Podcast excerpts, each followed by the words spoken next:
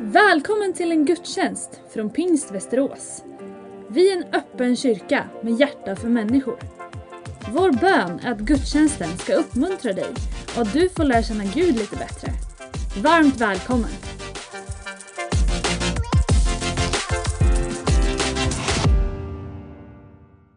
Vi är ju inne i den här gudstjänstserien som utgår från Jobs bok i Gamla Testamentet. En av de absolut äldsta böckerna. Och vad kan en sån gammal berättelse, eller en händelse om Jobs liv, tala till oss idag? Jag tror det finns ganska mycket att hämta där.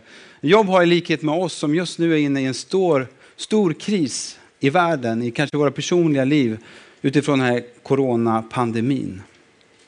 Människor förlorar sina jobb, arbeten, människor drabbas. Kanske har du varit på en begravning som en konsekvens av det här viruset som har drabbat oss alla på något vis.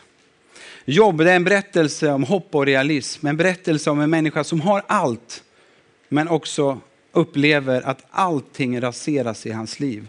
Att han får utstå lidande som man inte förstår eller har någon förklaring till.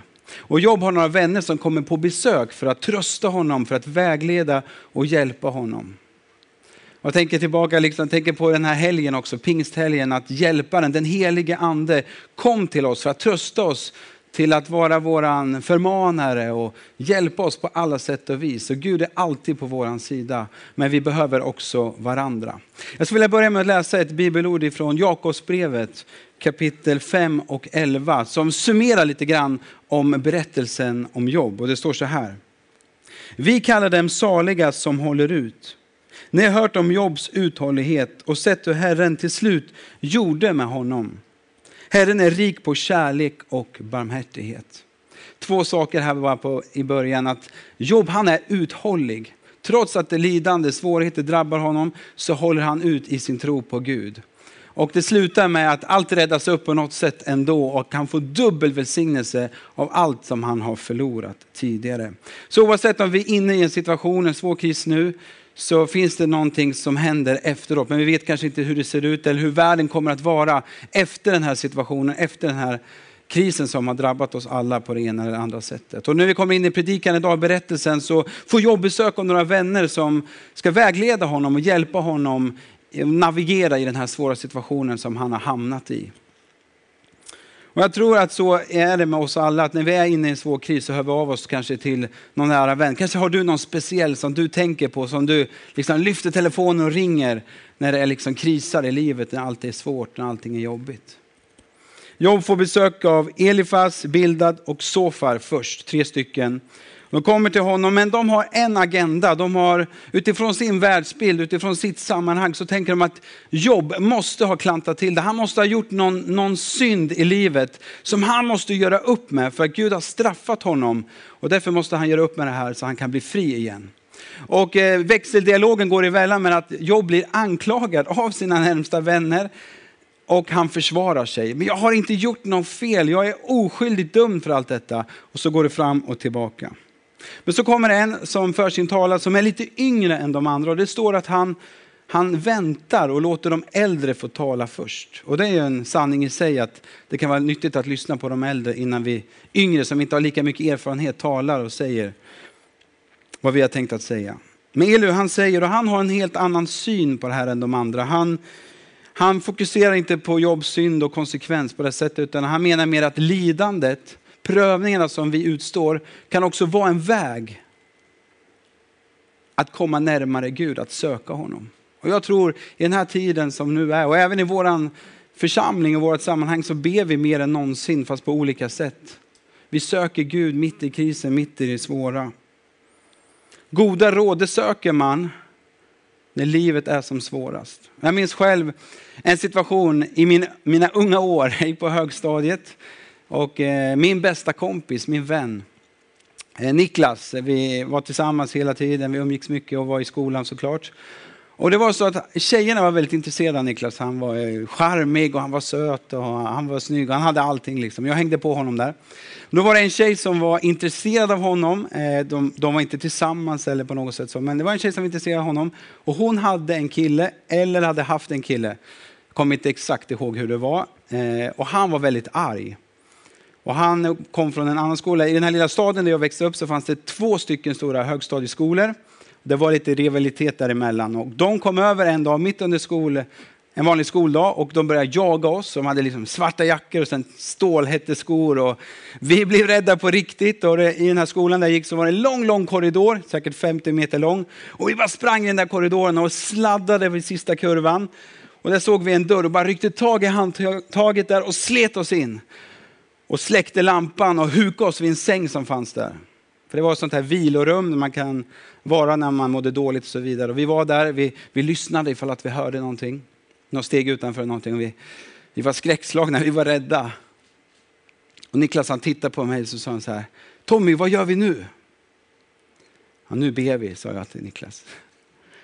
Och det var så att han kom inte från någon kristen bakgrund eller så, men han hade varit med mig vid flera tillfällen i, i kyrkan och så. Så jag tar, Niklas, nu ber vi en frälsningsbön du och jag. Du får ta emot Jesus i ditt liv så allting är klart och allting är förberett. Ja. Så han, jag bad först och han bad efter mig. Så han tog emot Jesus där i det här mörka rummet där i skolan. Och när vi var jagade och livet var lite tufft och livet var lite svårt. Och jag minns den där händelsen extra mycket. För det var så att Niklas, ungefär 21 år gammal, så omkom han i en motorcykelolycka. Och jag minns att jag var med och bar ut kistan. Och när jag bar ut kistan där och när jag var med på begravningen så tänkte jag lite extra på det där tillfället i nödens stund när Niklas och jag fick be tillsammans och han fick ta emot Jesus i sitt liv.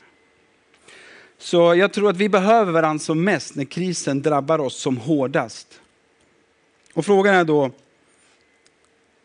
hur hjälper vi varandra bäst? Och som Carola sjunger i sin sång, sanna vänner har man kvar när de andra har gått.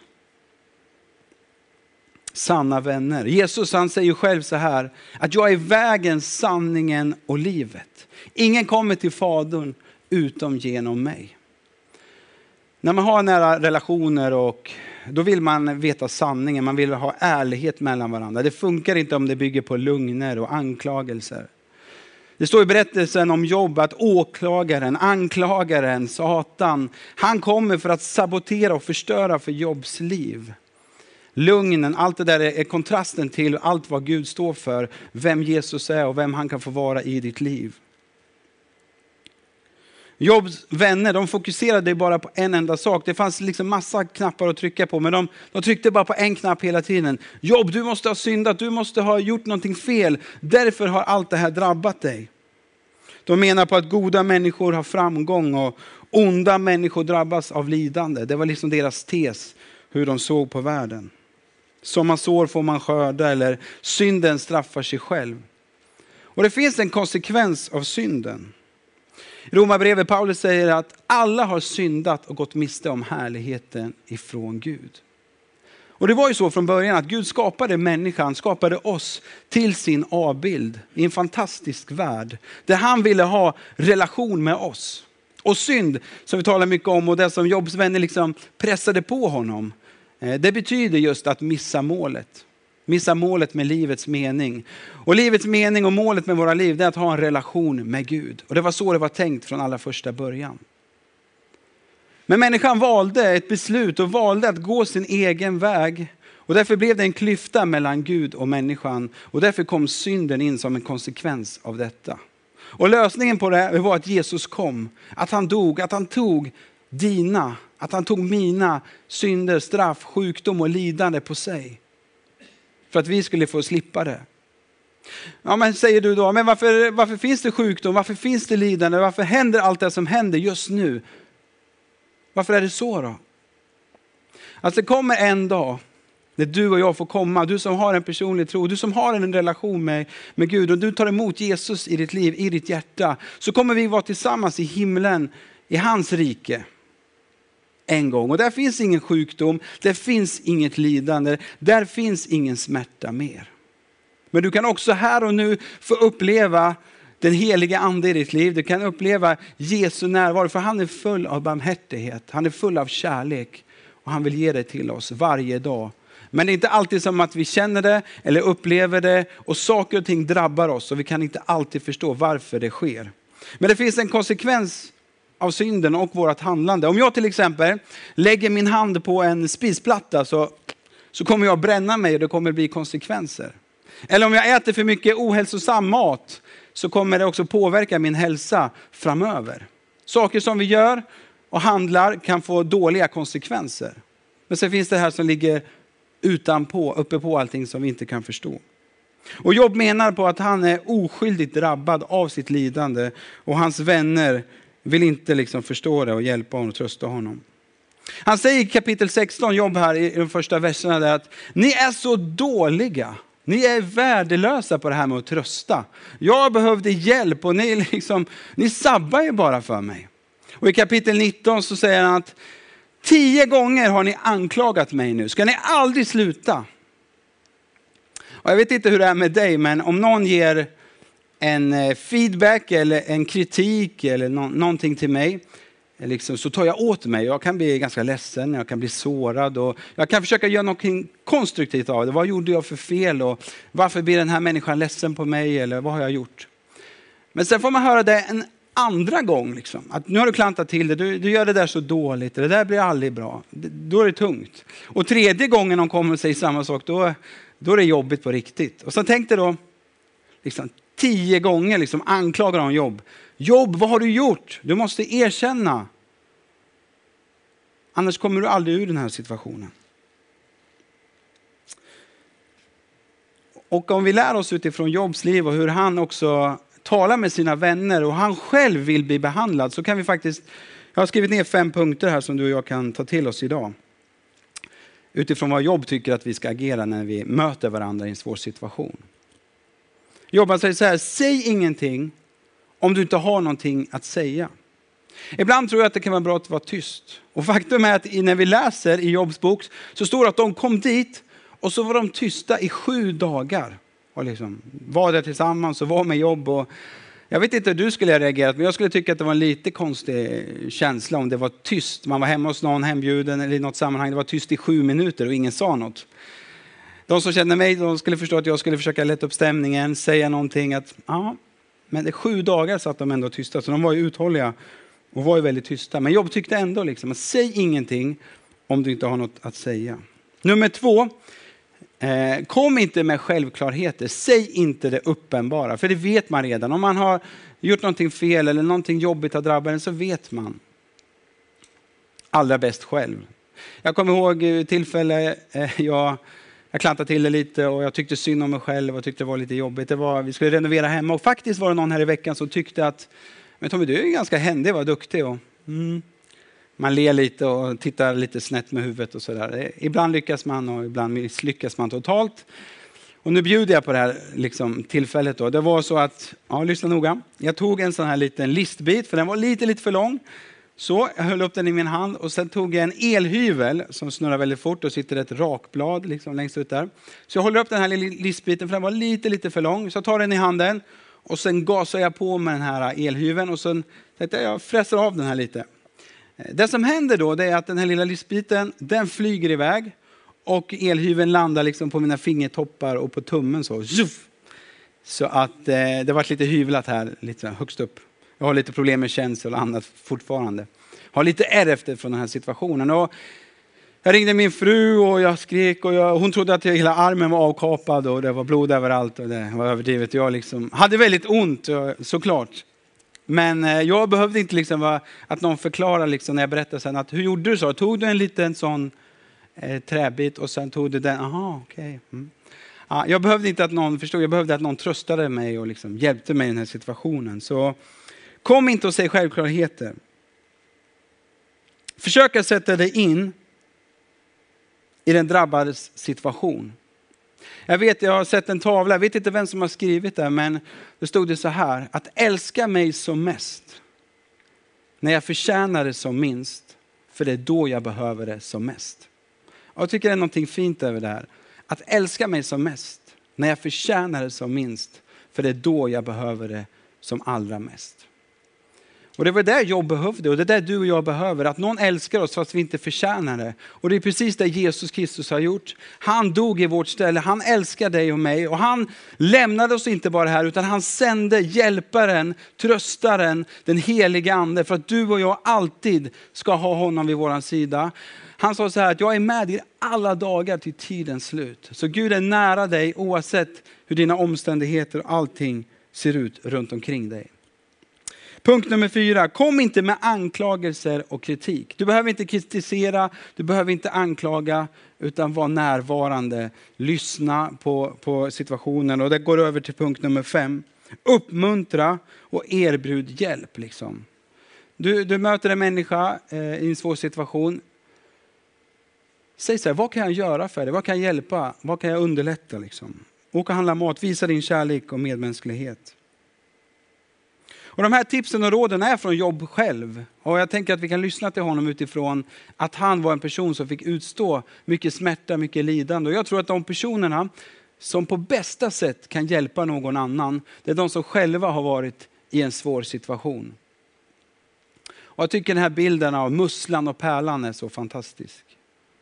Musslan lever på havets botten, ingen hemlighet. Eh, men då ibland så kommer det in ett gruskorn eller någonting som rispar runt på insidan och skaver sönder emaljen. Och då utsöndrar musslan ett sekret runt det här gruskornet. Och ju större gruskorn, ju större blir pärlan som bildas sen. Så från det här som skavde runt, från det här som, som hade sönder musslan inuti, så blir det någonting runt, det blir något fint det blir någonting vackert. Men längst, längst inuti den här pärlan så är det någonting som gjorde ont, någonting som skavde. Och därför tror jag att du och jag, våra erfarenheter och det jobb fick gå igenom, du och jag kan ta lärdomar av det än idag. Att det som var trasigt, det som gjorde ont, det som drabbade oss kan få bli till något vackert, också till hjälp för någon annan.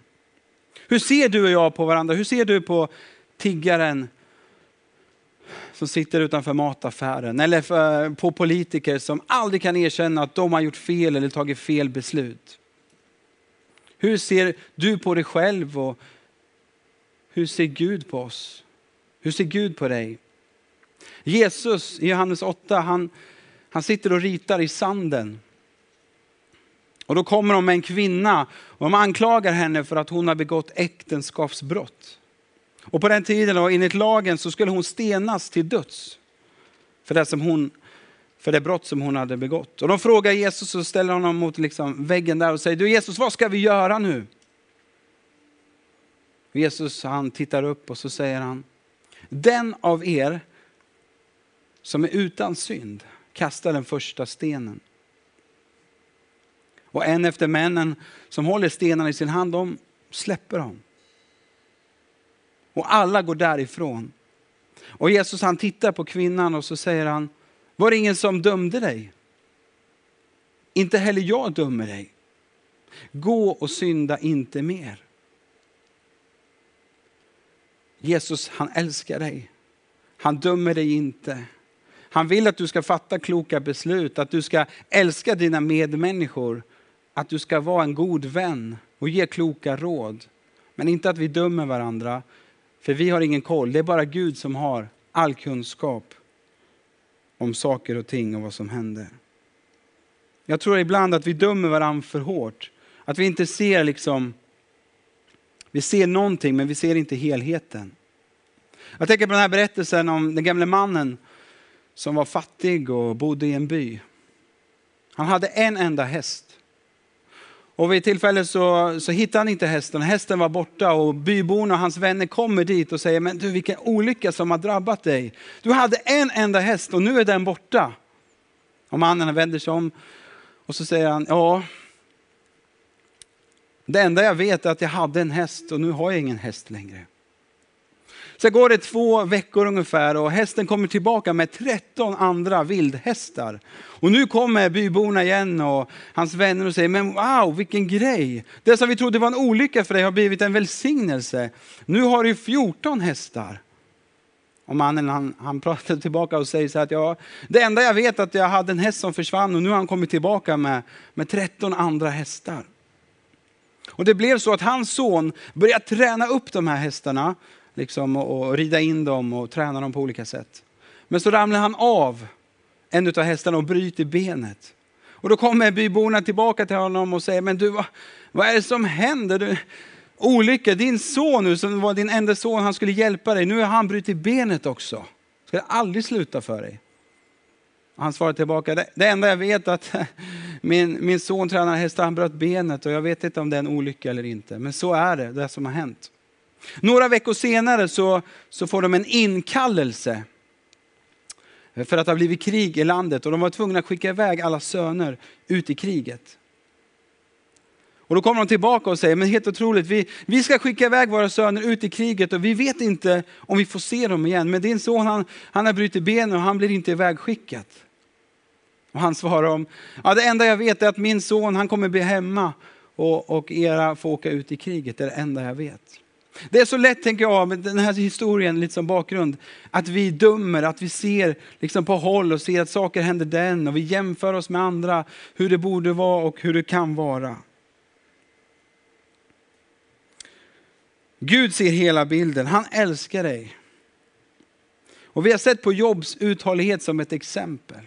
Du och jag kan få visa medmänsklighet. Våra sår, det som har drabbat oss, kan få bli till välsignelse för någon annan. Vem kan du få vara till välsignelse för? Gud är här och han vill hjälpa dig.